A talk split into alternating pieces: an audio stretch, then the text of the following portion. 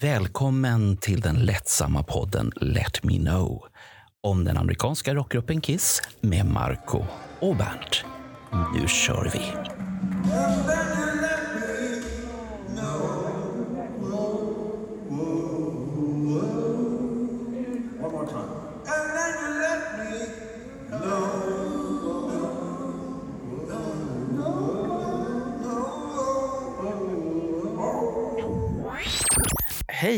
Välkommen till Let Me Know-podden. Fast det vet ni att ni är.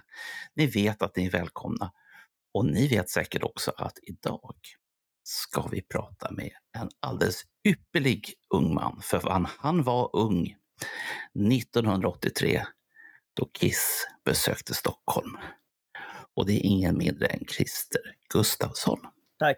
Så vi, vi ska ju prata om en väldigt speciell konsert, tycker jag i alla fall, i Kiss historia. För det är ju första gången utan smink i Sverige. Eller det var spelningen innan någon, men första Nej. i Stockholm utan smink i alla fall. Japp. Den är ju rätt så speciell, för nu har vi ju kastat ut vissa gitarrister, det vet vi om. Vi har fått se dem utan smink, så att nu ser de ju ut mer som kreti och pleti helt plötsligt. Så det är, det är lite tuffare kläder, lite Road Warrior-stil. Eller ja, vad ska man kalla det? Men Tights, har de, inte, har de mycket. inte mycket mer smink på sig nu än vad de hade innan? Om man tittar på pressbilderna så är det väldigt mycket smink. Mm. Då är det fruktansvärt mycket smink. Så att det. Ja, det ser inte bra ut. Men det, det är fel sorts smink tycker jag. För det, Jag menar, det är nu på är det väg här, åt transhållet om man säger så. ja, nu är det ju Ja. det här Christers avsnitt om Stockholm, Ja. men eh, jag var ju på presskonferensen i Helsingfors 93 och jag kan säga att det var mycket smink var det. Men, eh, men det är en inte, annan inte, historia. inte 93, 83. 83, men det Ja, är väl det- 83 vi pratar om, annars, Ja, har, det är jag 80 kommit, det- det annars har jag 83. kommit till fel podd. Ja, du, du var lite och härjade på fel podd där. Ja, Eh, ja. vägen till att bli Kiss-fan. Hur börjar den, Christer? Ja, den började väl egentligen på ett sätt redan 1976. Om vi tar vid där eh, Bernts resa på något sätt också var. Eh, det är så att jag har en sju år äldre storebror som var på Grönan också. Eh, jag brukade gå in i hans rum. Han hade ju massa flashiga posters där och eh, två spotlights. Eh, en röd och en grön. Så det var snuskhäftigt att hoppa in i hans rum när inte han var hemma och titta på alla de där grejerna. Och, på den tiden, alltså Kiss var läskigt för mig. Alltså jag, då var jag ju sex år, fem, sex år. Då är det läskigt på riktigt de affischerna som jag såg där inne. Såg du och stod du och tittade på dem där verkligen då ordentligt eller Mhm. var det bara med ett öga så här, du gömde dig lite bakom? Ja, det var nog en skämskudde eller en skrämskudde där. Något vad man ska säga. Vad är det här för någonting? Ja, ja, ja. ja. Ja, ja. Fick, du höra, fick du höra musiken också då? Alltså grejen var ju att jag försökte hoppa in i hans rum när han eh, hade sina kompisar hemma och det hände ju. Och framförallt var det ju Destroyer som snurrade där. Och, jag tyckte inte att den var något upphetsande, förutom en låt, Do You Love Me. You really like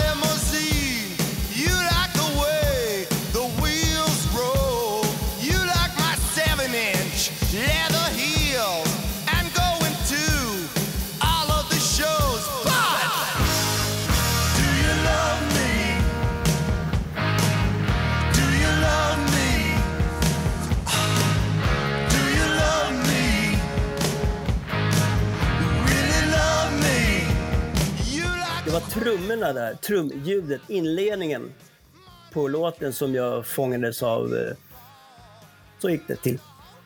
Jaha, du var kär i det trumljudet alltså? Ja, det var just ljudet Aha. på trummorna kommer jag ihåg som jag tyckte var så ascoolt. Ja, ja. Mm. Men då, då, då, då kommer väl det här äh, slutet också när man är det här äh, konstiga ljudet är ju som ett efterspel till den låten. Ja. här äh, ljuden som åker från högtalare till högtalare. Så det, det blir lite mystiskt på ett sätt också. Tyckte, det tyckte jag i alla fall när jag hörde den där skivan då. Då tyckte man så här, wow, de kan. Det märkliga, Ja. eh, Marco, det var ju att jag upptäckte inte det ljudet förrän jag köpte den på CD många år senare.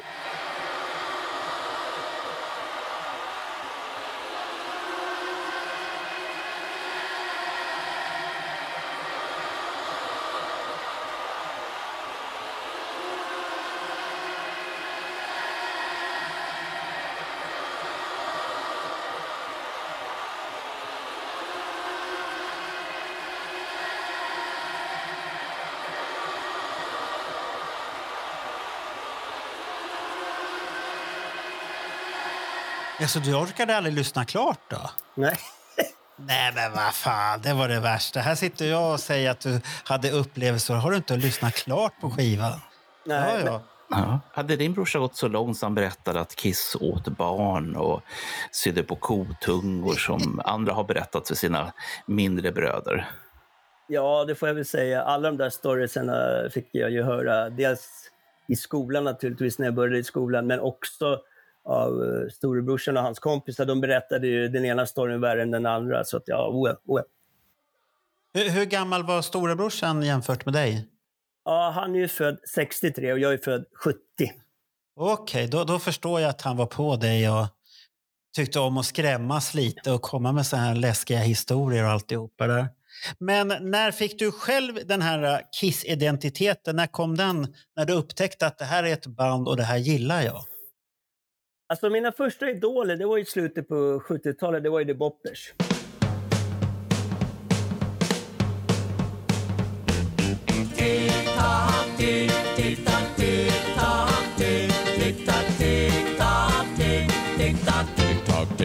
Tick, tock, tick. I'm waiting for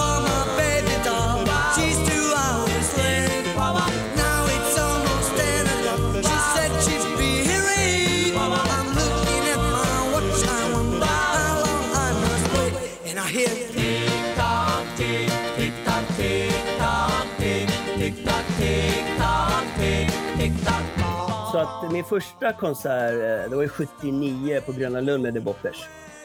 Ja, du var där med originalboppers alltså? Ja, ja, det var då de var så jävla poppis. Det, jag- det var ju boppers överallt. Mm. Och alla skulle se ut så där. Och sen dog det väl lika fort tyvärr. I princip. Ja, det kom upp som en blomma och sen vissnade det där. Mm. Sen vart de väl mer legendariska på ett sätt. Att det var alltid kul att se dem på tv. Det var mycket tv med dem. jag. Som aldrig lyssnade på Boppers, jag, jag störde mig så fruktansvärt mycket på eh, deras första album som hade kommit ut och retuschen på den. Jag vet inte om... Eh, Vad var det du störde dig? Vad störde du på den då? då?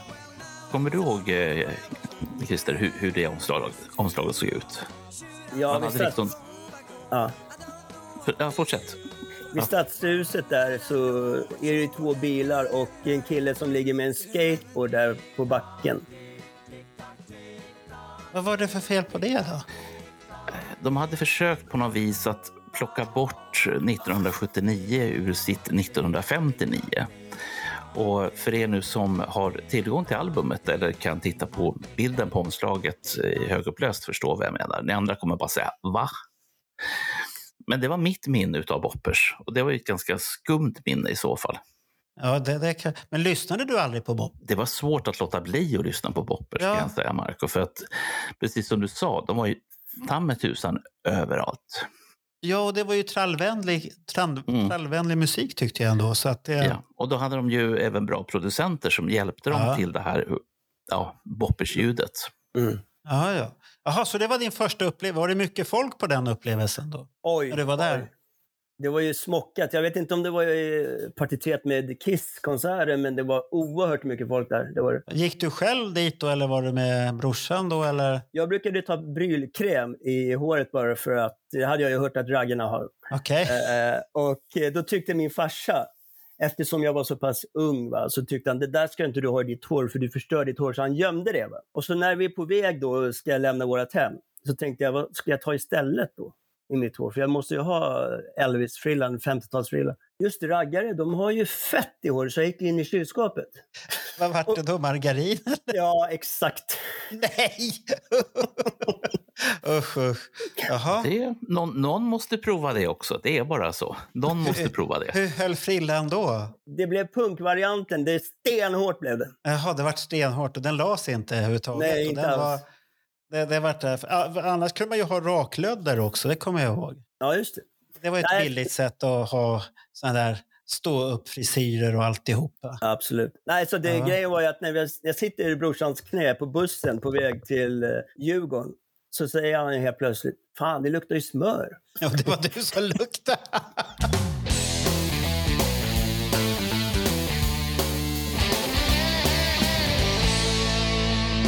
Men eh, hittar du någonting med Kiss då? Som här, hade du börjat köpa skivor eller någonting innan? 83 där? Eller var det bara att Ja. du nallade på brorsan? Ja, nej, sen så efter Bopper så blev det ju Noise. Och när Noise, eh, två bandmedlemmar i Noise la ju ner 82, de hoppade av bandet ju. Det var Hasse Karlsson och eh, Fredrik von Gerber. Eh, första halvåret 82 och eh, då tänkte jag så här, vad fan ska jag lyssna på nu då? Men så kom jag ihåg, någonstans svagt i mitt minne, att brorsan hade ju intressant musik någonstans. Så jag gick in där, det var på sommaren 82 i brorsans rum och hittade naturligtvis eh, Destroyer och Rock'n'Roll Over som stod där. Gick in i vardagsrummet, satte, med, satte på eh, Destroyer. Och jag kände att mm, det här är ju intressant. Det här verkar ju riktigt bra. Det här, det här tilltalar mig. Eh, men det roliga var att den första låten som tilltalade mig, det var ju inte eh, någon rock egentligen. Det var ju Great Expectations.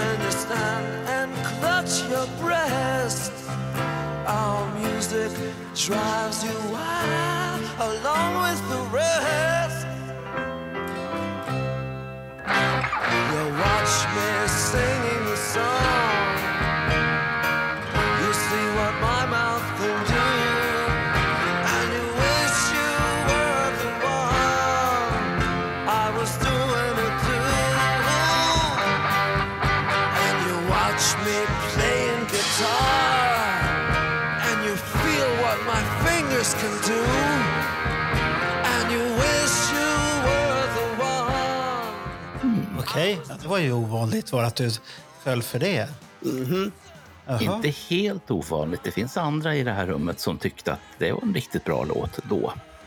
Ja, så föll du också för den låten? Ja, nej, men både den och Do You Love Me, för de var lite sådär special på något vis. Ja, men du är lillgammal så att det är att Ja, ja. du föll för Great Expectations. Det för...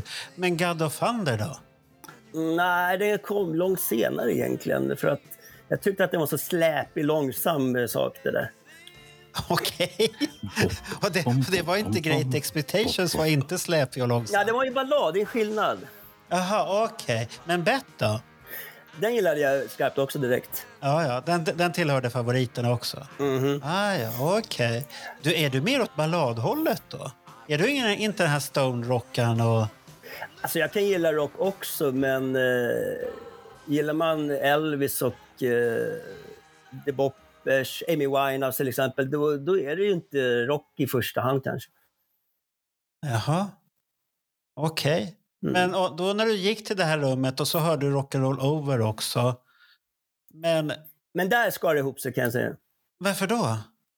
För det var ju för distade gitarrer för min smak. Alltså, Destroyer är finpolerad, men alltså Rock'n'Roll Over, det, det tog tid innan jag kunde ta till mig den.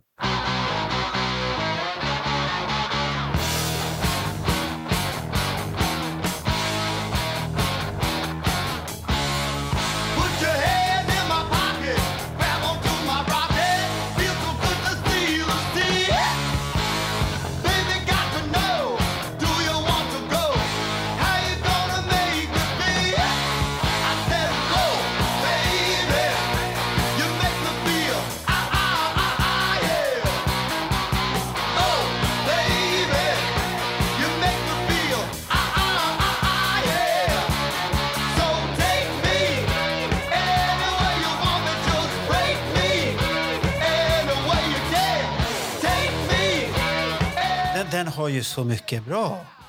Making Love, Take Me, det är ju höjdarpunkter. I alla fall om man är i den åldern och tittar på andra kön och sånt där så, så är den ju superbra den skivan. Men, men Marco, om man Ja. är en late bloomer då?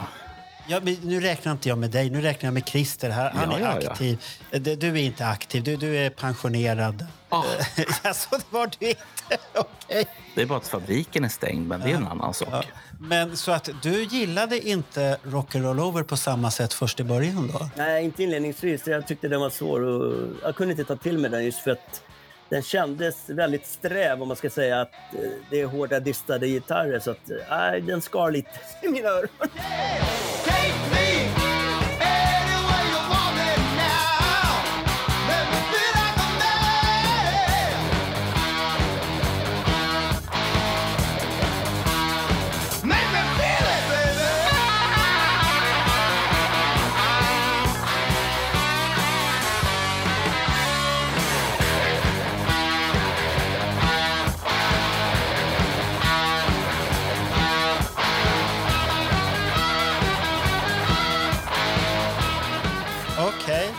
Men, men om vi då kommer till det här äh, albumet som du ska gå och se livebandet och 83 Lick It Up. När upptäckte du den skivan? Köpte du den innan spelningen eller?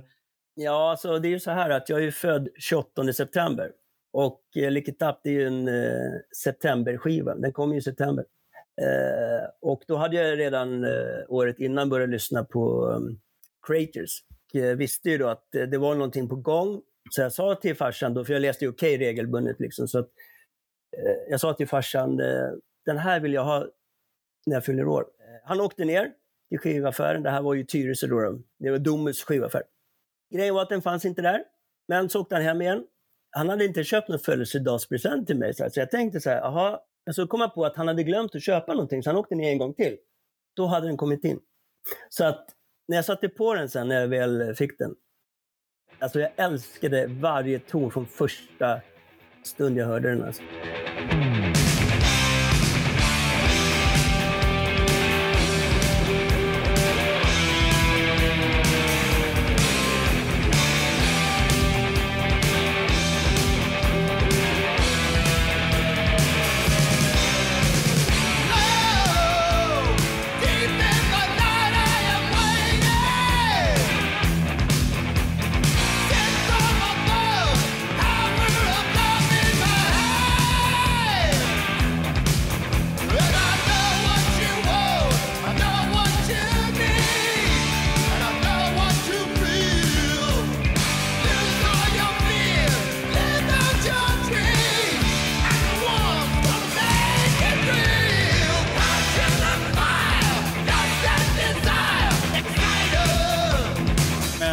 Hade du tagit till dig det här hårdare musiken i sådana fall. För den är ju hårdare än rock'n'roll over och eh, ja, hårdare, roare kan man säga. Roare på sitt i soundet då. då. Och du Det- gillade de här låtarna, Exciter när den börjar och... Mhm. Ja. Aha. Var du påverkad utav tv samtidigt också? Eh, tänkte du eh, norrsken och sånt där? Ja, Måndagsbörsen och allt det här som gick då. Ja, ja. allt sånt där eh, liksom sög, sög jag in. Liksom, absolut. Ja, ja. Mm. Aj, aj, aj. Men vad, vad tyckte du då när du märkte att de hade tagit av sig sminket? Hade du läst det någonstans innan eller? Alltså det där var ju trauma. Det var ju trauma. Därför att Okej. jag tänker på Okej, som sagt som jag läste regelbundet. Det var ju så här att det fanns ju häftiga bilder från Creators-turnén i USA i Okej. Jag tänkte att det stod ju någonting i stil med att det här är vad vi får se när Kiss kommer till Sverige. Och det här var väl, eh, kan ha varit nummer 13 eller något sånt där tror jag det var. Okej, nummer 13. Bara, och den kom ju ut alltså med två nummer per månad ju. Och det här måste ha varit i juli gissar jag, när den kom ut, när de visade bilderna från Creators där. Och redan i augusti så kommer ju bomben. Kiss släpper sminket.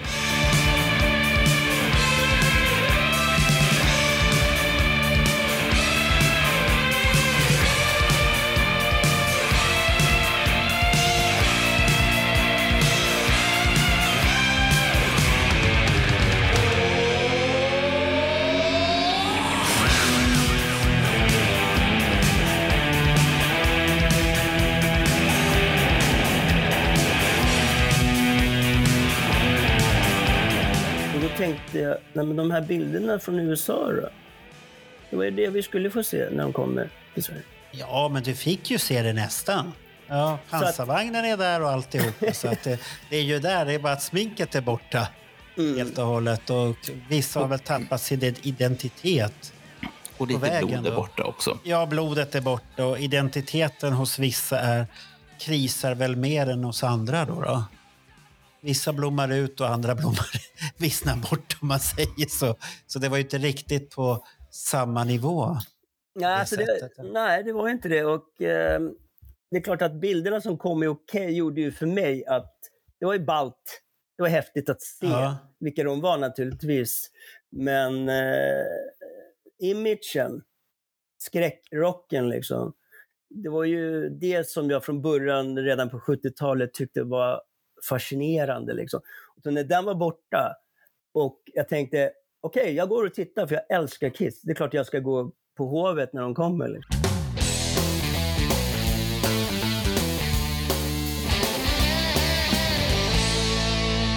Det var nämligen så här att farsan jobbar som eh, bilmekaniker på ett taxiföretag i Farsta.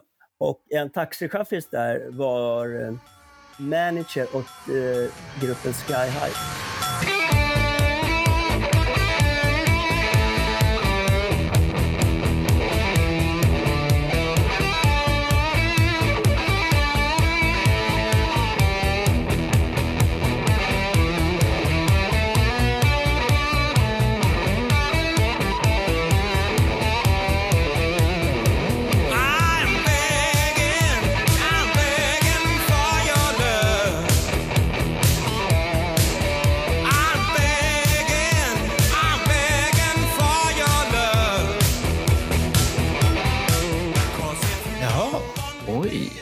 Där ser man. Mhm. Så att han hette Pelle Sundqvist, den killen.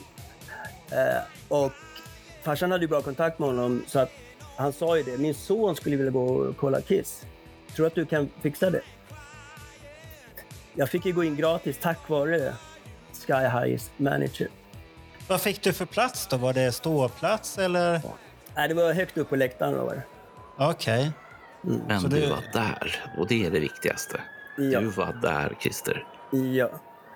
Och det, alltså själva inramningen, att komma in och se t-shirts och faktiskt fatta att jag ska se de här nu.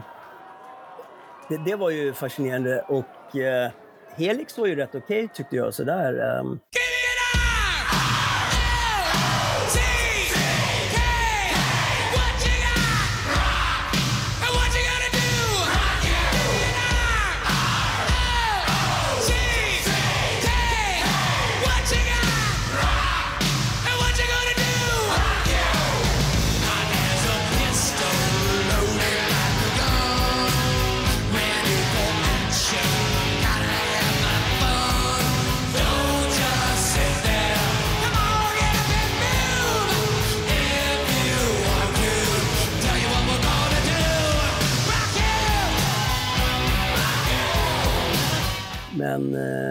Känslan hela tiden från att jag klev in på arenan var ju liksom eh, magnetisk. Det var ju, alltså, alltså den känslan kunde man ju ta på. För mig så var det 96, återföreningen. Det var samma känsla på min första konsert som det var 96.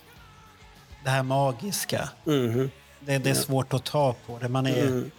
det är neurofi och man är glad. Du har förväntan, du har spänningar och det här det kan bli besvikelse. Allt det där finns där. Och det- så blir det väl förhoppningsvis en bra grej. Mm, mm. Som det säkert vart då, eftersom du är fast fortfarande än idag så vart väl en bra grej utav den upplevelsen där. Infri, infriades eh, dina, vad ska man säga, förhoppningar, dina önskningar och sånt där? Och vad, vad minns du av konserten? Ja, alltså det var en explosion inledningsvis eh, som hette duga eftersom de hade två fartfyllda låtar, Creators of the Night och Detroit Rock City.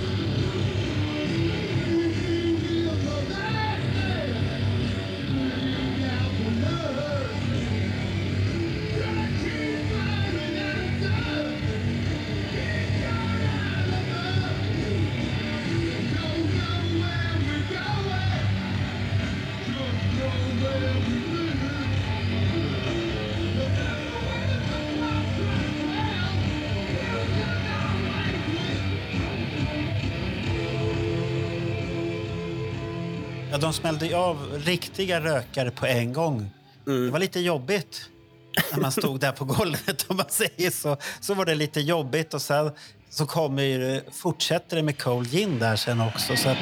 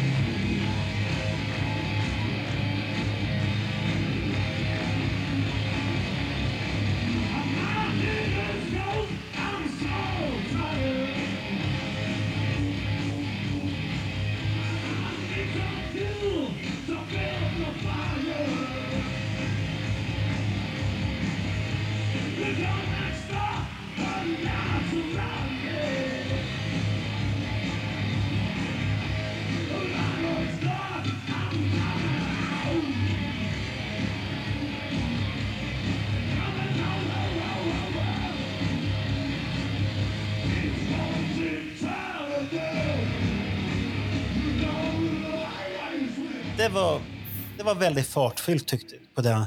Sen- Sen kom väl en låt därefter som inte var...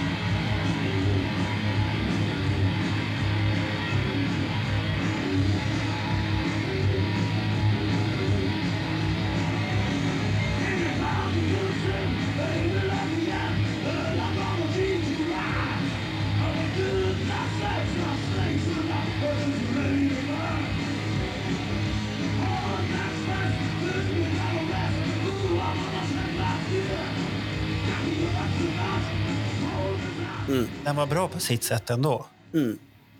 Nej, så att eh, det var en riktigt häftig inledning på konserten tänkte jag. Eh, sen var jag väldigt glad. Jag var inte säker på om de skulle ha eh, deras klassiska ljusrigg, men det hade de ju och det blev jag ju väldigt glad för, för den betyder mycket liksom. Men visste du, du visste väl det här med Vinnie Vincent, för det hade vi alla vetat om att han skulle komma där. Vad tyckte du om det när du inte fick se Ace då? Ja, då ska man nästan gå tillbaka till eh, skriverierna som var före. Eh, om eh, Ace skulle vara kvar eller inte. Alltså, allvarligt talat så grät jag. Eh, jag köpte Okej. Okay. jag gick i skolan då. Eh, så gick vi på lunchrasten och köpte Okej. Och eh, så stod det Ace i borta. Då grät jag på riktigt när jag gick tillbaka till skolan. Man, man la ju upp det där väldigt dramatiskt också för det var ju väldigt länge som man sa det, ja men han är ju bara tillfälligt borta och det här är en tillfällig lösning och allt vad det nu var. Eh, Okej, gick ju på samma spår som, eh, som jag som hade fanclub på den tiden. Vi ville ju liksom vi ville ju vara säkra på, ja men har han verkligen det? För det var så himla mycket tjafs innan om och ifall eller inte. Och, och, och då kan jag tänka mig att du som var betydligt yngre då, gick helt i affekt av att nej, han är inte med. Det är någon annan snubbe. Mm. Men vartenda att du liksom tänkte att ja, men om han är med, då är det okej. Jag är en sån där personlighet som är lojal i alla lägen, eh, om jag gillar Mm. någonting. Så att, eh, jag tog mig till honom ganska så snabbt ändå, för att eh, när jag lyssnade på plattan så tyckte jag ändå att eh, det här låter ju riktigt bra. Så att för mig var det kvalitet på Winnie som gjorde det att jag tyckte att det kändes helt okej med honom. Liksom. Men det fascinerande med den konserten som jag tycker, det kanske inte du tänkte på då, men det är ju det att Paul har ju börjat sola och så har du Vinnie som solar. Mhm. Det är, det är två, Paul Stanleys gitarrsolo kan man ju diskutera vad det är för något. Han ska visa att han kan någonting och sen ska han hålla på med publiken och sen blir det ännu värre 84 då.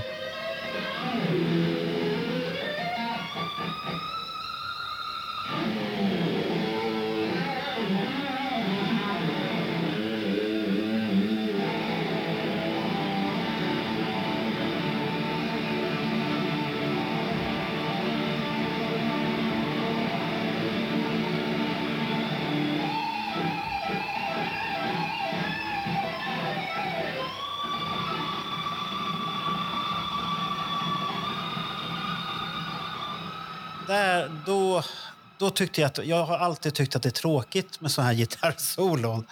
Och sånt här. Det, det är väl bättre med trumsolo. Det, det kan jag ta, för det är, på, det är en favorittrummis ändå. Och då, då tyckte jag att det var häftigt. Och bassolot, där kan man ju också diskutera. Den hade ju ingen mening riktigt. Nej, nej.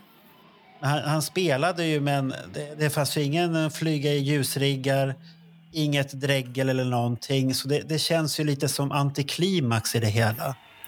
Yeah.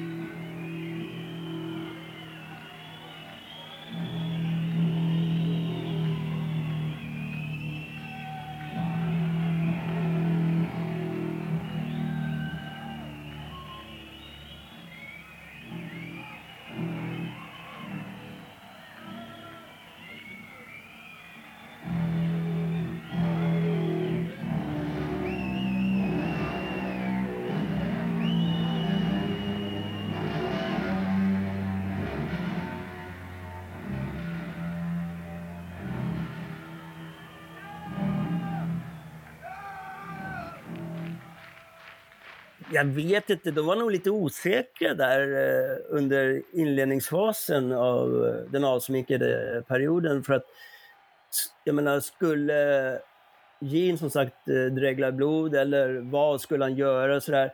Eh, jag vet inte om det är sant, men det har ju hävdats att han har vid någon konsert... Ja, det, det, det är det här klassiska ryktet att han skulle ha gjort det i Lissabon. Mm, det. Det är så mycket bullshit och photoshoppat efteråt att nej, det har aldrig hänt. Mm. Han har aldrig funderat på det, det har aldrig ingått i showen överhuvudtaget. För att hans karaktär var ju borta. Jag, jag kan säga så här, eh, eftersom det här ryktet har ju... Det fanns ju redan då och sen vid något tillfälle vi skulle ha gjort något poddavsnitt, Mark, och jag kommer inte ihåg vilket det var. Ja. Så tänkte jag det att det här måste vi gå till botten med. Så att jag har liksom försökt nu att hitta alla spår av allting som hände i Lissabon. Och det enda jag kan komma fram till överhuvudtaget var att han kan ha testat under en repetition och insett nej, det här blir Nej, jag, jag, jag, jag tror inte han har testat det där heller. För det, det ingick ju inte i bandet det längre. Det här, äh, de, de, han var ju inte The Demon längre. Han Nej. var ju Gene Simmons nu. Mm. Och Paul var ju inte Starshine, han var Paul Stanley. De marknadsfördes inte som någonting annat heller. Nej. Och det, och det måste vi tänka. Vinnie Vincent, han hade inte The Wiz längre. Och det. Han var det. Erik Carr och, och Erik Carr Fox, det var, allt det där var borta helt plötsligt. Och nu hette de bara sina namn. Mm. Men Det var så man presenterade. Så att Mm.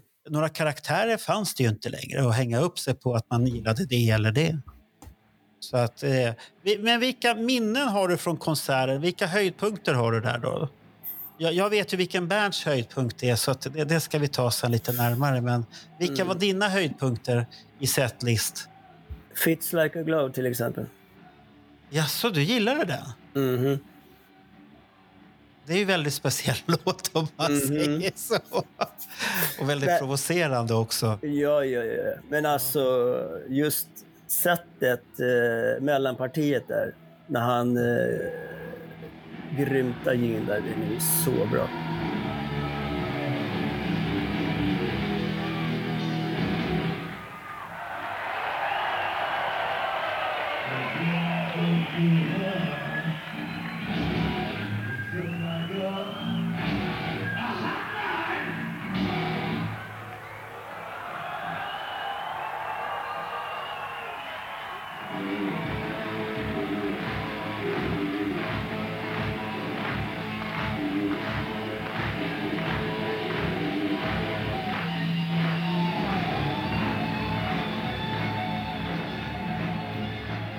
Hans poesi där. Mhm. Ja, ja. Det, det, Okej, ja, ja. ja, säger Bernt och skak. Jaså, du gillar det? Var det någonting annat? Vi, vi ju, om jag säger så här själv så har vi fått uppleva då Exciter.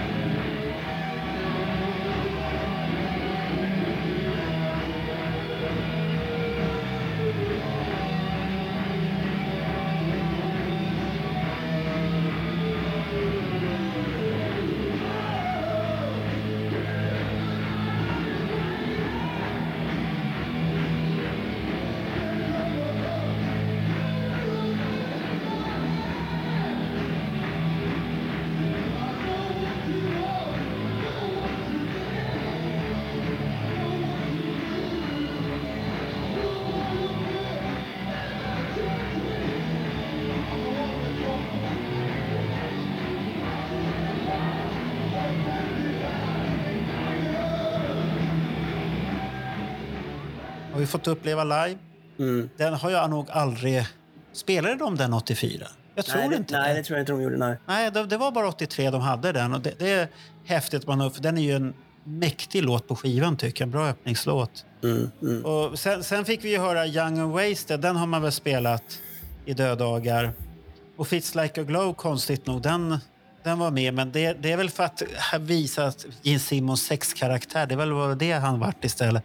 Han vart en, ko- en Dr. Love mera Mm. än en demon i sådana fall. Det är väl därför den låten var med.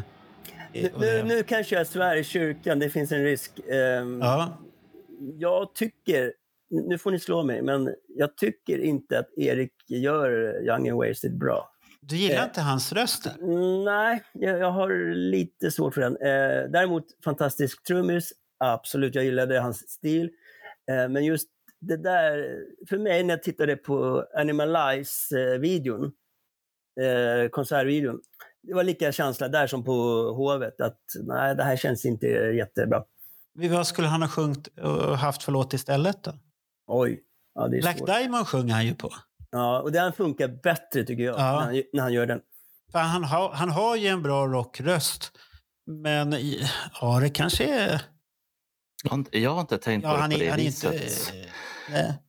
Men vi, vi får väl lyssna och så får vi ta rätt på, låter det bra eller inte? Mm. Ja, det får man väl nog göra på den. Mm. Men eh, jag sitter och tittar på setlisten här. Jag kommer inte ihåg att de spelade Lick It Up som extra nummer. Det är första extra numret. Det är lite lustigt att den kommer som extra nummer när det ändå är eh, plattans huvudspår kan man väl säga. Det är den stora singeln på plattan. Eller så vill Mm. de dra lite på det. Den kommer då.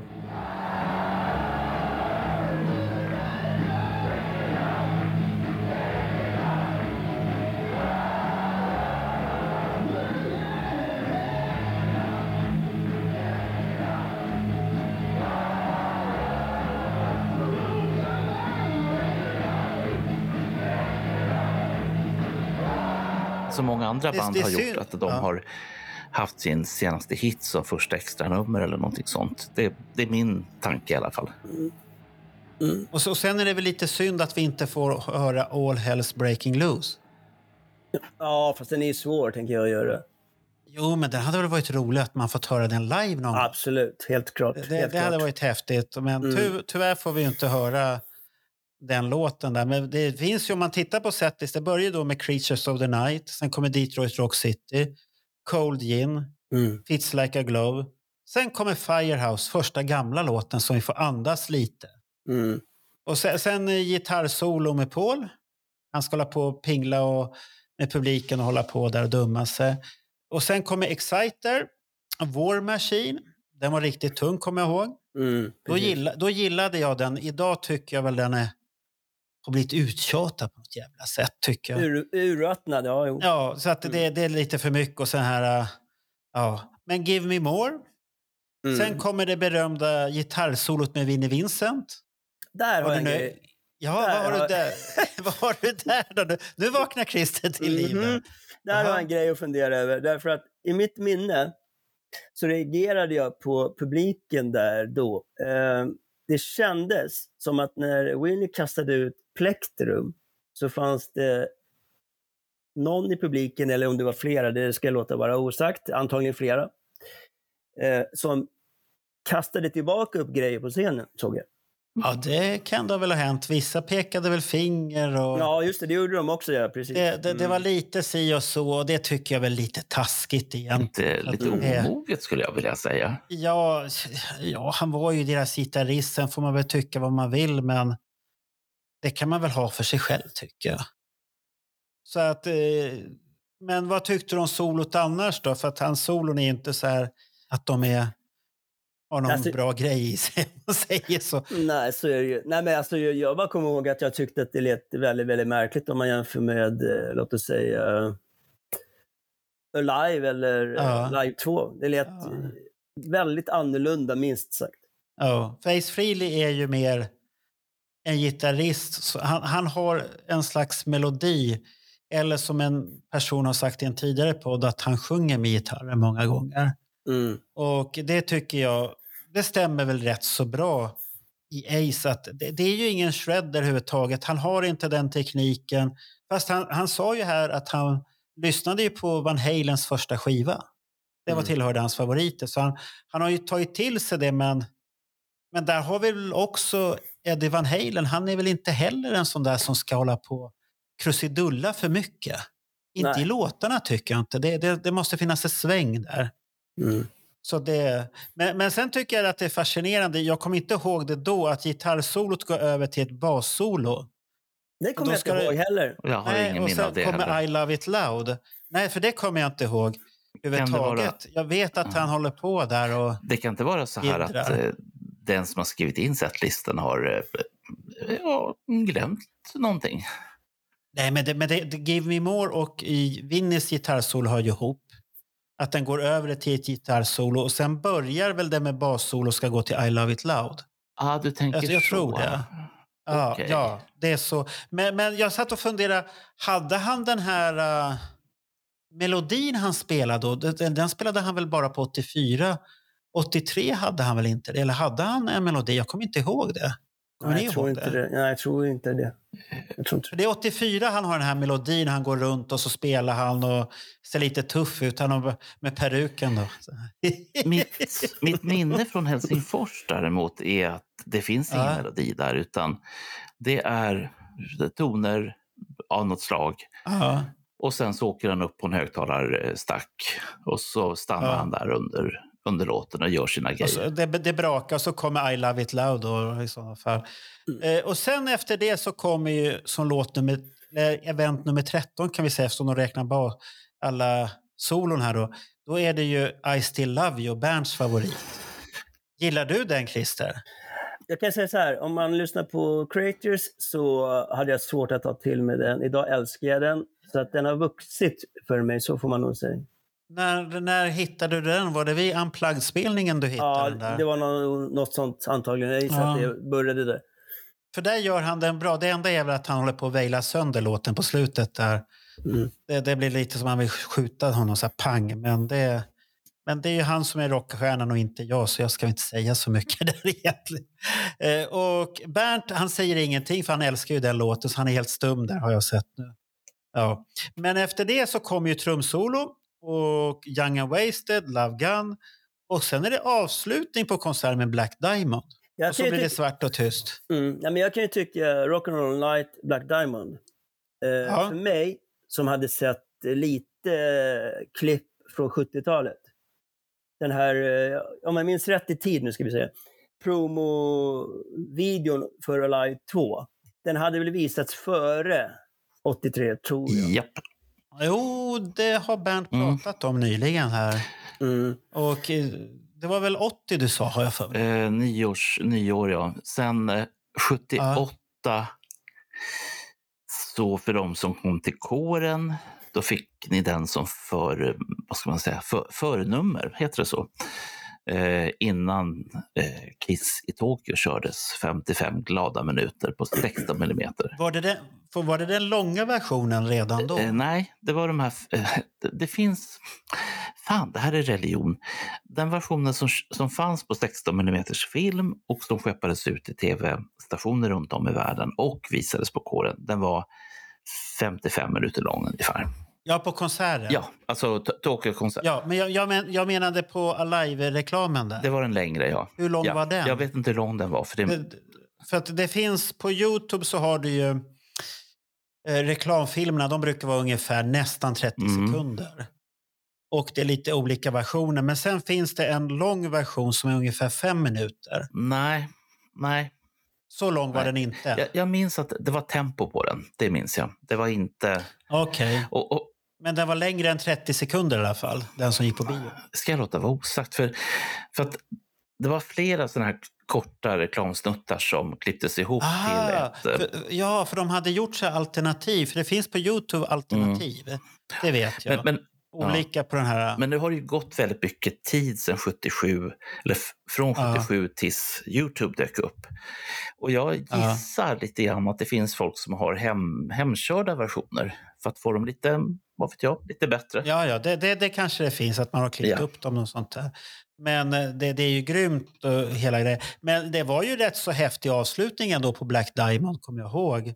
Från 83, där att det var rätt så mäktigt egentligen.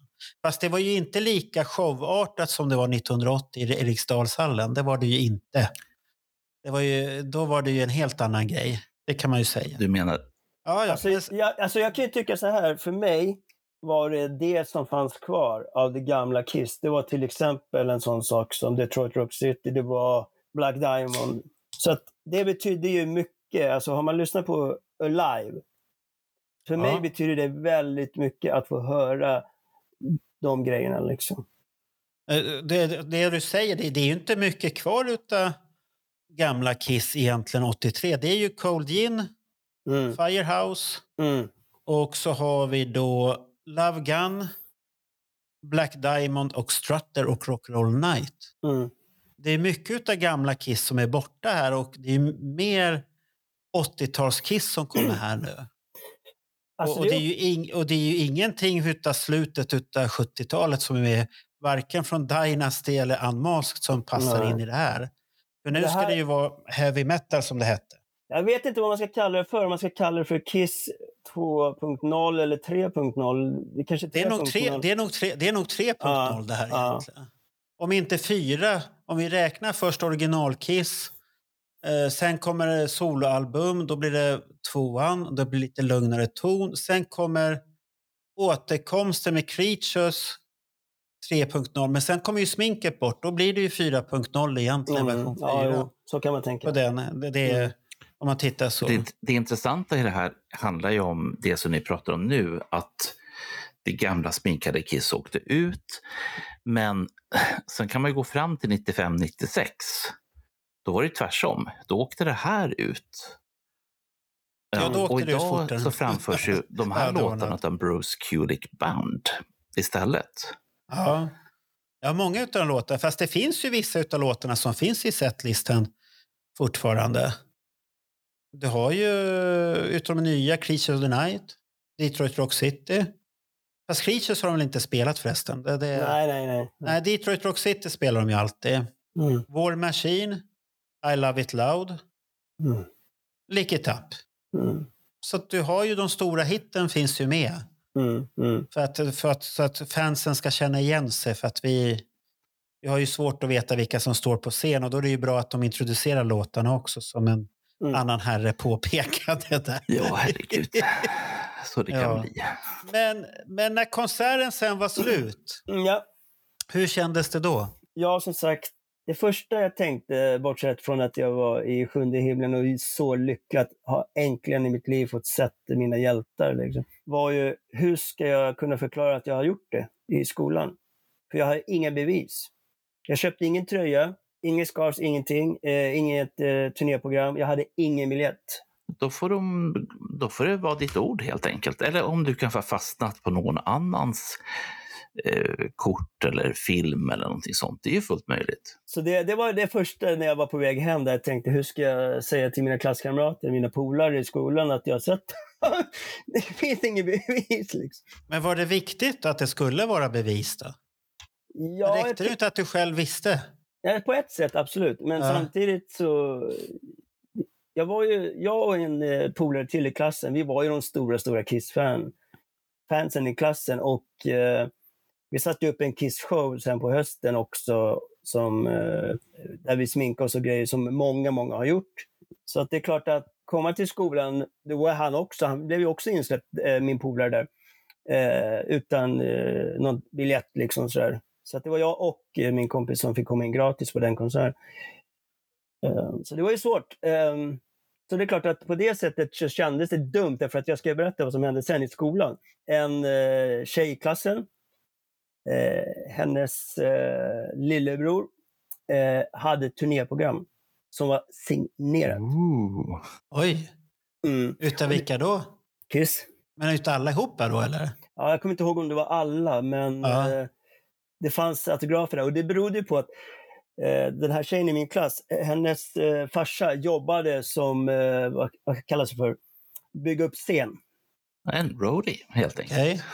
Mm, en Ja. roadie, precis. exakt. Så att på det sättet så eh, hade de fått uh, turnéprogrammet signerat. Liksom. Och de skröt och hade bevis. Ja, ja, ja, han gick omkring den här lilla killen i skolan och visade upp den för alla. Liksom, så här. Men hade han varit där då, eller hade han bara bevis att han har fått ett program? Var han där överhuvudtaget då? Det, vet jag inte. Jag, gissar att han var där. Det är svårt att säga sådär. Men Jag han har var ju, aldrig tänkt på att han kanske bara fick programmet såg inte ett jävla skit. så kan det vara. Du ställde fel frågor. Vad var första låten skulle ha ställt sig? Din jävel, berätta här.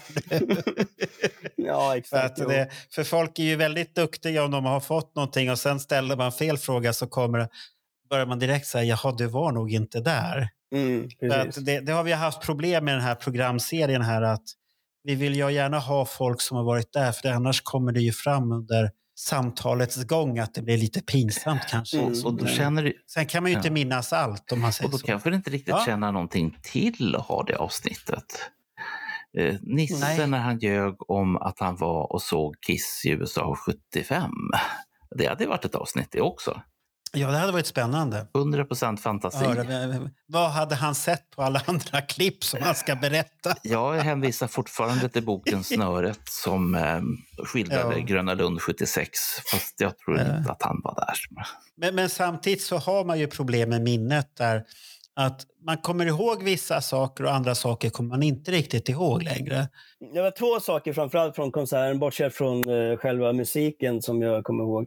Det ena var att eh, bredvid min, min polare från min klass så satt en eh, hårdrockare, vad kan han ha varit, 17-18 år eller något där. Han satt och tok handbanga eh, de första 20-25 minuterna av konserten. Resten Jaha. sov han. Oh, Ja. han, ork, han orkar Ja, ja. inte längre. Och så Ja, uppe det- på eh, en läktare så var det någon som hade tagit med sig någon form av spray som han hade till sin tändare. Så han eh, skulle föreställa att eh, blåsa eld där uppe på läktaren.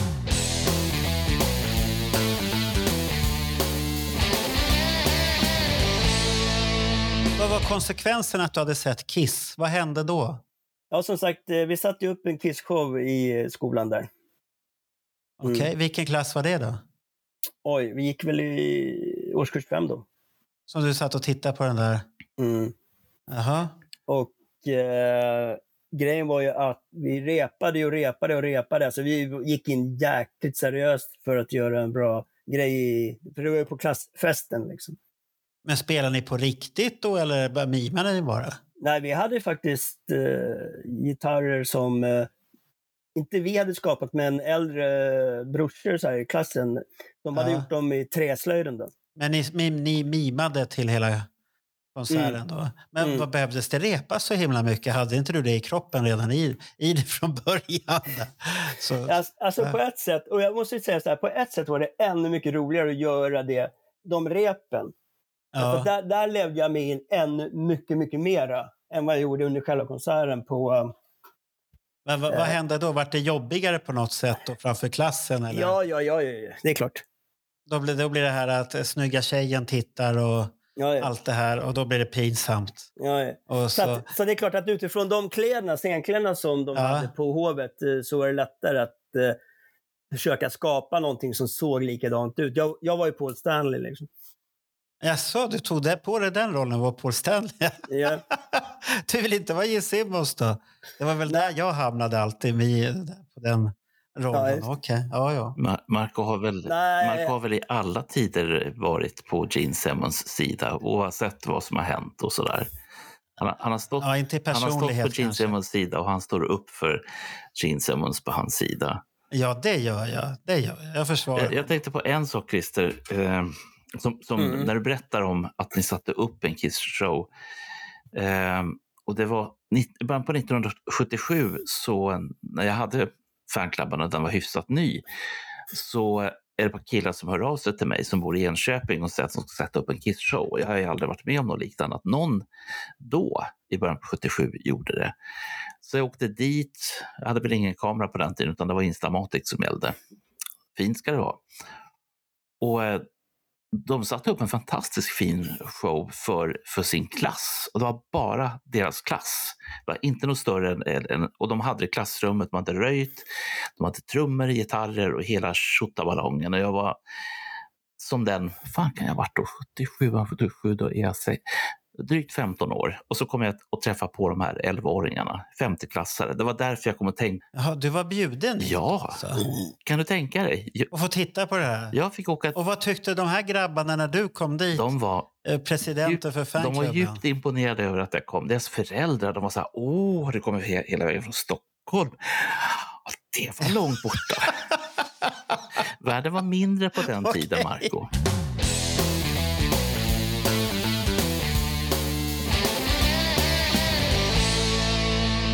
Jag försökte komma igång med eh, turnéprogramssamlande ett tag, men eh, det rann väl ut i sanden lite grann. För att jag tänkte att jag skulle ha i alla fall alla turnéprogram från de konserterna jag har sett. Jag hittade en kille på Facebook som eh, säljer och eh, jag började köpa, men jag fick loss tre bara, eller vad det var. Sen så ledsnade jag. Jaha, du ledsnade för det börjar bli dyrare och dyrare sen hela tiden. Mhm. Vissa, vissa är ju väldigt dyra ut de här programmen tyvärr. Jo, eh, Men, Men, men då Ja, pratar ja, vi det- om turnéprogram från Europa. ja, det. ja, för han sa ju spelningen Ja, ja, varit men jag vet inte vad Christer Ja. har varit. Rätt vad det är så åker folk bara till, till Japan eller till Filippinerna eller en annat ställe och ska se Ja, ja, det. Men för det som jag tänker på, det är, det är fortfarande en, en, en runt 83 innan eh, jag kliver in i, i den berömda garderoben.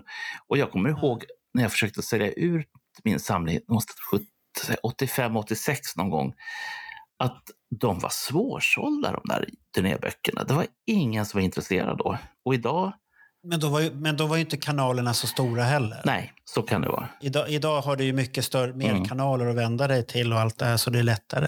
Får jag bara fråga, hur många konserter har du sett Christer? För du kommer Ja. ju se Dalhalla, det vet jag att du har bokat in i år. Inte? Nej, nej, nej. Nej, men vad är det här? Ska du inte se sista Sverigespelningen? Sista Sverigespelningen har redan varit. Mm. Nej, den är i Dalhalla. Den Eh. 13 För mig var sista spelningen på Skandinavium. i Göteborg där. Mhm. Jaha, du tillhörde en av de här som var besviken när de fick information direkt att det, det blir en ny, nya spelningar nästa år då. Alltså Dalhalla är ju en jävligt häftig arena så det hade ju varit Ja. kul att vara där. Men eh, är det någonting som är intressant nu så är det se finalen, tänker jag. Och där kommer du ju vara. Ja. Är det den enda spelningen du har bokat in nu? Eh, ja, det är det faktiskt på Madison Square Garden. Ja, Mm. Eh, och, det, och det räcker väl gott och väl egentligen. ja, det tycker jag. Ja, det, det är en bra Sen- slutpunkt. Sen är det väl så att eh, det är inte första gången jag ser Kiss utomlands heller. Jag var ju i eh, New York eh, 2010, eh, den här amfibiearenan i Jones Beach. Så det var min första utlandskonsert. Ja, ja. Hur många konserter har det blivit totalt då? Har du koll på det? Mm, 15 är det tror jag. Det är så pass i alla fall. Mhm. Ja, ja. Och vad, har du varit oftast i Sverige? Mm. Ja, för de flesta, ja, ja. Så är det. Ja. Maj- Majoriteten naturligtvis, ja, ja, så är det. Men den 13 juli så kommer det ju kittla i, i fingrarna. Det kommer det göra. Och då kommer du ju stå där i Dalhalla i alla fall. Det vet jag, jag ser ju det på dig att du kommer stå där. Det kom, du kommer inte kunna låta bli. Det, det är väl ungefär som jag när man satt och har velat med New York fram och tillbaka. Jag har varit inne där första gången de släpptes på den här förhandsbokningen och sen har jag varit inne faktiskt en gång till när det varit den officiella. Men det, det varit för, jag vet inte vad biljettpriserna är idag. Den eh, 16 mars när vi spelar in det här. Jag har ingen aning. Vi, vi, har ni sett några biljettpriser? Inte biljettpriser, men däremot Nej. så har jag läst en intervju som, och nu avslöjar jag nästan vilken dag vi spelar in det här, men The Cures förgrundsfigur har gått ut och eh, spytt galla över Ticketmasters hur mycket som helst. Och han ber också om ursäkt och bandets vägnar och säger att vi, eh, vi äger inte den här frågan, vi styr inte över det här, men vi tycker att de borde skämmas. Och det är lite grann som Ja. Jag har sagt i ett annat sammanhang, att jag tycker de borde skämmas på riktigt. Ja. För att resonemanget med de här eh, progressiva priserna enligt Ticketmaster själva var att motarbeta second hand-priserna. Men jag har ju aldrig varit med om att en, en scalper tar 150 000 för en Kiss-biljett. Nej. Det har ju aldrig Nej, någonsin det- förekommit. Men det gör nu Ticketmaster med berått mod och säger det att ja, det beror på att så många vill se konserten och då höjer vi priserna. Och det är så dumt så att Åh, fan. eh, Vad, vad, fick, vad, vad fick du ge för biljetten? Oj, det var inte så mycket ändå. Det var ju eh, 477 dollar för två. Styck för styck? För två? För två. Ja, det, du, var då, du var prick där fyra inne, eller hur? Yes! Ja, inte som jag, tio minuter över fyra. Då var det helt Nej. andra priser. Jag var inloggad tio Ja. minuter innan och eh, kände bara att nu ska vi se hur det här fungerar. Jag satt på Ulaj 2 och lyssnade Ja. på Ulaj 2 samtidigt och eh, satt 100% beredd och tittade på den här lilla som tickade ner från 2000 Ja. var det när jag gick in. Tickade ner, tickade ner och så tänkte jag så här, ja, ska vi se om det finns någonting kvar när jag väl tar mig in. Alltså det var ju, ja, det var jävligt speciellt att förstå att det, det går att få bra pris. Ja, och du köpte två biljetter. Hade jag Ja. vetat det så hade jag hört av mig till dig. Mm. Jag har ju hört vem som har norpat biljetten. ja, du vet det nu ja. Mm. Jag, jag vet vem som har norpat den biljetten. Det är Mm. Magnus Fredriksson. Korrekt svar, Ja. ja. han har Ja. norpat den. Så då kommer jag ha Magnus bredvid dig där uppe då. Yes. Och, och sitta och analysera Kiss eller kommer ni sitta, släppa loss? Nej, vi släpper loss tror jag. Det Ja, jag liksom... hoppas det. Inga analyser. Nej, nej, Släpp inte loss alls. istället. Ja, ja, det är mycket bättre. Ja, det låter bra det. Ja, men det var ju Eh, som förra året, det var likadant. Va? Då, tänk inte, gå in på konserten och ha roligt och njut av det som erbjuds på konserten. Ja. Var, var stod du i Göteborg någonstans då? Oj, det var också läktare. Ja, det var läktare. Du var inte som Bernt och jag i frontlinjen där. Nej. Bernt fick ju omvärdera ståplats där och han älskar det nu. nu för Så tiden. länge som publiken inte är 14 år eller eh, 19 Ja. och nyfylld med, med diverse dryck och drog. Ja, men det är, alla gamlingar är också välfyllda med Ja, ja diverse men, men de drycker, orkar men- inte knuffas och trängas längre. Nej, det, är- det är lite lugnare på det sättet. Eh, hur kommer du se på ditt kissande efter det där sen och när allting är slut? Kommer du fortsätta eller hittar du någonting annat? Alltså, jag håller ju på med min podcast Berörd av människan Amy Winehouse just nu. Så att, eh, det är väl det som ligger i pipelines, bortsett från eh, december. Då. Men Kiss kommer väl alltid finnas i hjärtat i alla fall? Låt mig säga så här. Eh, jag träffade ju Kiss på Stockholms stadion, meet and greet, eh, 2010. Jaha, okej, du var Eh, där då. Ja, Jag tror jag har sett det på bild faktiskt. Nu Ja, det tror jag. Det finns- Jag, ja, jag tror att det finns ute. Det är Alexander Johansson var väl där. Per Strid var väl också där har jag för mig. mm. Ja, jo, jag har för mig att du är med på någon bild. menar, det är ju så här va. Ja. Jaha, de skrev Nu- autografer där. På Nu, nu måste jag ju berätta att just nu så visar Christer hud. Och där huden sitter så finns det två stycken autografer. En Gene Simmons-autograf och en Paul Stanley-autograf. De var stora för fan. Mhm. Får vi se igen? Lyft upp får vi se här. De var rätt så stora. Och nu, nu visas det igen här. Ja, de är stora som fan vad de har dra- dragit till. Men de var snygga. Snyggt gjorda snygga. båda två. Det, de var inga slarviga autografer överhuvudtaget. Men jag hade ju tur Men- där också, för Paul Stanley var ju på väg ut och lämnade rummet där vi höll på att få våra autografer och blev fotade och så. Jaha, hur, Eh. hur haffade du honom då? Nej, precis i dörren när han var på väg att gå ut därifrån. Då bara Ja. skrek jag Paul! Skrek jag. Då bara vände han sån. Så bara drog jag upp tröjan. Jaha, okej. Och han signerade där på en ja, han var ju så jävla schysst. Han bara, ja, ja okej då. Så bara skrev han. Ja, Liksom. Men vad hände med de andra då? Erik Singer och Tommy Teijer då? Har du dem någon annanstans? Någon annan kroppsdel? Nej. Du har dem inte? Inte Tänk- Erik Singer ens en gång? Nej, alltså Marco, tänk på en sak nu. Kiss är Paul Stanley nummer ett, Gene Simmons nummer två. Alltså, utan de två hade vi inget Kiss. Framförallt skulle jag vilja säga så här, utan Paul Stanley hade vi inget Kiss. Nej, inte, inte, Ja, du inte tror 84 inte, i alla du, fall. tror, du, du tror inte att det, det, det hade blommat bara med Gene Simmons då? Nej, han var Han, inte han, han, var, ju, han, var ju den största, han var ju den största låtskrivaren i Ja, bandet. du tills han menar mötte- inledningsvis? Ja, och- tills han mötte Paul Stanley. Åh fan, han kan också skriva låtar. Men då kommer vi, då kommer Marco, då kommer vi till en intressant sak. Ja. Vem hade idén om att skapa det visuella som sen utvecklades till? Ja, det, det tror jag att det visuella hade de nog båda två. Det tror jag. Mm. Mm. Både Gene Simmons och Paul Stanley tillsammans, men de har ju fått hjälp sen och Mm. förfina det visuella utav helt utomstående artister. Om jag ska vara ärlig så tror jag inte Peter Criss hade någonting med det visuella att göra. Han hade väl e- erfarenheten att spela i band. Ace Frehley däremot, han är ju lite åt det visuella hållet. Men hur engagerad han är, det, det är en helt annan sak. För han, kan ju, han håller ju på och pysslar och gör sina grejer och hållit på där och sånt här. Så att de tre hade nog, men det är frågan hur engagerad Ace är egentligen. Men om vi splittrar på de tre och tar var och en för sig. Ja. Alltså, Vilken, hade- tycker du, vilken tycker du då är den visuella? Då tycker du Paul. Ja, eftersom han är väldigt eh, intresserad av konst och sådana saker så det måste ju ligga där, tänker jag. Okej. Men var han Ja, det? det fastnade något i Eh, halsen. Här. Jag undrar en sak. Om vi ska backa tillbaka väldigt, väldigt långt så vågar jag påstå att den som gjorde mest, och då pratar jag inte om loggor, för de vet vi redan vilka, Nej. Ja. utan den mest visuella av dem var Gene Simmons, den lilla serietecknaren. Och det där Mm, min absoluta uppfattning att där kommer mycket av det visuella, eller det som ska vara uppseendeväckande.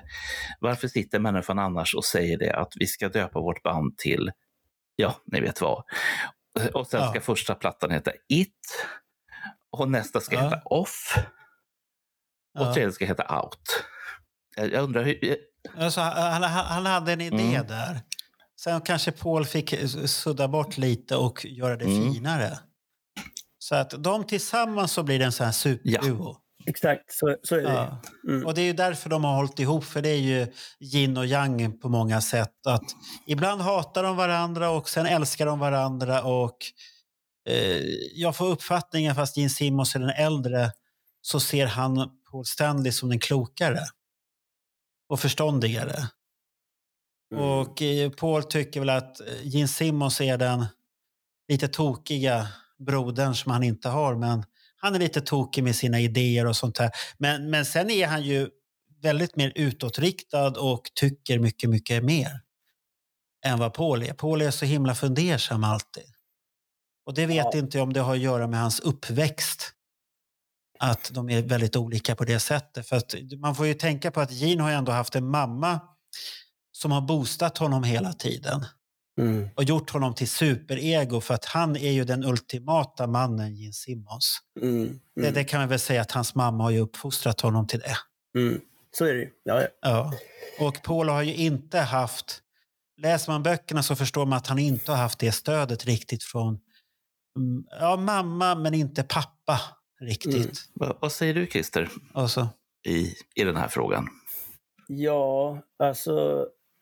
Jag tycker Paul Stanley är en oerhört intelligent människa för att när man läser hans bok och han själv inser att nu kan mitt liv gå käpprätt åt skogen om jag inte gör någonting åt det här. Hur gammal är han då? Är han 15 år eller vad han är för någonting? Och själv söker upp terapeut och psykolog och säger hjälp mig, jag klarar inte det här. Det är inte ja, det, är ju mod, det, det är ju modigt att göra det beslutet, för det är inte många som gör det. Nej. Sök, söka hjälp i sådana situationer är, det är läskigt. Framförallt på den tiden, det var mycket Ja. stigma kring eh, oh, men- mental psykisk ohälsa. Och det, och det, det, tyvärr är det ju väldigt vanligt nu för tiden. Mm. Det växer var- ju växer bara hela tiden. Det där. Mm. Så det var ju ett stort, stort mod hade han ju helt uppenbarligen. Mm. Ja, det hade han. Och han har ju kämpat för sitt Kiss hela tiden jämfört med Jeans som har varit lite på olika så här framgångsdroger. Han har inte tagit droger, men han har ju käkat framgång och utnyttjat det till fullo för sina kvinnor och ja, allt vad han har gjort däremellan. Filmroller. Och han var ju nominerad till bästa biroll enligt filmbolaget. Det kommer vi väl ihåg när vi såg den på film. Den tyckte jag var en höjdare faktiskt. Hur, hur man nu kan göra en sån annons ens en gång. Det var ju så jävla långt ifrån Ja, det man kunde Jag komma. kanske inte delar filmbolagets uppfattning. Jag Nej, det gör i och för inte sig jag om heller. vad ska man säga, Gene Simmons filmskurk-looken. Den tycker jag är väldigt bra. Eh, jag- Och framförallt så tycker jag om Gene Simmons skurk-advokat-looken. Det, det, det tråkiga för honom är att han hamnade i skurkrollen när man ska kasta arab, skurk. Då passar han jättebra. Då får han funka. Eller palestinier, skurk. Då passade han också bra. Han fastnade i det facket där. Men jag tycker Alex Bergdahl har helt rätt. att eh, Han försöker vara demonen även som skådespelare. Ja, ja, för det, han har ju bara en blick. Ja, Som vi vet, den här uh, specialblicken han gör där hela tiden. Och den, den är ju väldigt lustig. Och, men, men de är härliga de där uh, förevisningarna som man gör där Mm. hela tiden. Kommer vi se dig någon, på något evenemang här den senaste tiden? Kommer du åka på någon föreläsning eller sånt där, Christer? ja, det är en intressant fråga. Det beror ju alldeles på temat eh, eftersom eh, 80-talet borde ju komma mera i fokus. Det har ju varit oerhört mycket, kan jag tycka, eh, 70-tal. Ja, men det, men det är ju för att det är originalsmink och allt det här. Och, Ja, och det är ju en intressant period Mm. naturligtvis. Eh, eh, men det finns mycket i 80-talet. Nu har ju böckerna Partners in Crime, där har de ju pratat en del om, eller skrivit eh, Ja. om Peter Criss på 80-talet till exempel. ja, och, och hans poddar, Alex Bergdahls Ja, poddar, de är ju underbara när han ju dyker ner i det här Peter Criss konstiga sätt att vara ibland och sånt här. Och eh, jag tycker det, det är häftigt att höra. Och sen hans föreläsningar, då blir han ju ett snäpp värre hela tiden. Då blir det, All Riktigt bra med deluxe. ja, det, då går han all in och jag, ty, jag tycker då är han perfekt. mm. Då är det en glädje. Ska du gå på den här Crazy Nights-föreläsningen någonting? Ja det är oerhört eh, lockande, det måste jag ju säga. För att Ja. som sagt, då, då är vi ju där liksom. För det, det är en intressant period och han säger att det finns någonting svart i det där. Det vill jag Mhm. höra. Vad är det svarta i Crazy Nights? För det är ju en skiva med glädje. Men det ska finnas någonting svart och dystert i det. Bergdahl har hittat Det i något tycker av jag. sina dokument tror jag. Ja, han har hittat någonting i arkivet där igen och, och rotat och nofsat och sånt här. Och Men var det, allt där. Var det inte pengar som försvann där i den vevan, eller var det före? Men det kan ju vara någonting sånt här att det börjar gå käpprätt åt helvete ekonomiskt. För jag kommer För, ihåg... band, eh, för, för bandet mår ju inte bra. Jag kommer ihåg eh, Hovet, eh, 88, konserten. Ja. Den var ju väldigt, väldigt konstig egentligen för att eh, dels inleda konserten med Love Gun ja, men det var, det var bra. och tog Det var bort, bra. tog bort eh, introt, You want the best. Och sen var det bara svart, svart, svart, svart. Eh, ett skynke liksom och högtalare. Det, det var jätte... Ja, det, var ju väldigt, det var ju väldigt minimalistiskt. Det var Ja. väldigt sparsamt hela den turnén. Och det kanske har att göra med att det inte fanns så jävla mycket pengar i kassan egentligen. Mm, jag kan tänka mig att Ja. de var nog inte så långt ifrån konkurs. Jag säger som jag brukar säga, Ja. in på Alex Room Service eh, Facebook-sida. Och kolla För där, där. finns det nålat högst upp eh, var han är och när han är. Men eh, ska vi säga så, Christer? Är vi nöjda med din upplevelse?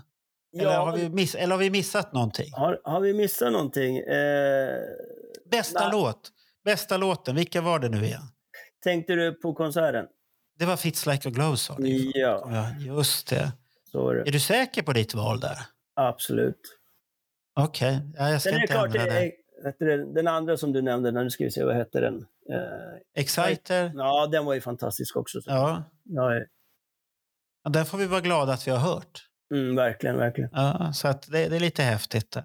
Mm. Så att, eh, tacka för din upplevelse.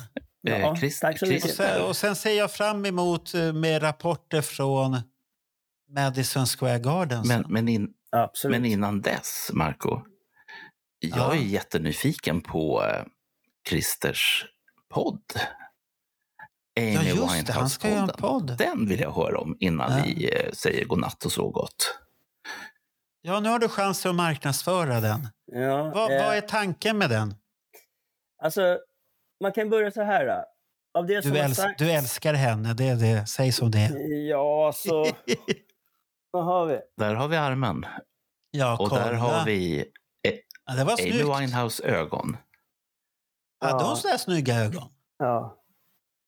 Ja, det var snyggt. Det var, till Ja. och med, det var faktiskt till och med så att när jag träffade Amys mamma 2019 i juni eh, i London så säger hon så här, jag satt och fikade med henne, så säger hon så här, när jag visade den här tatueringen, då säger hon This is definitely my daughter's eyes.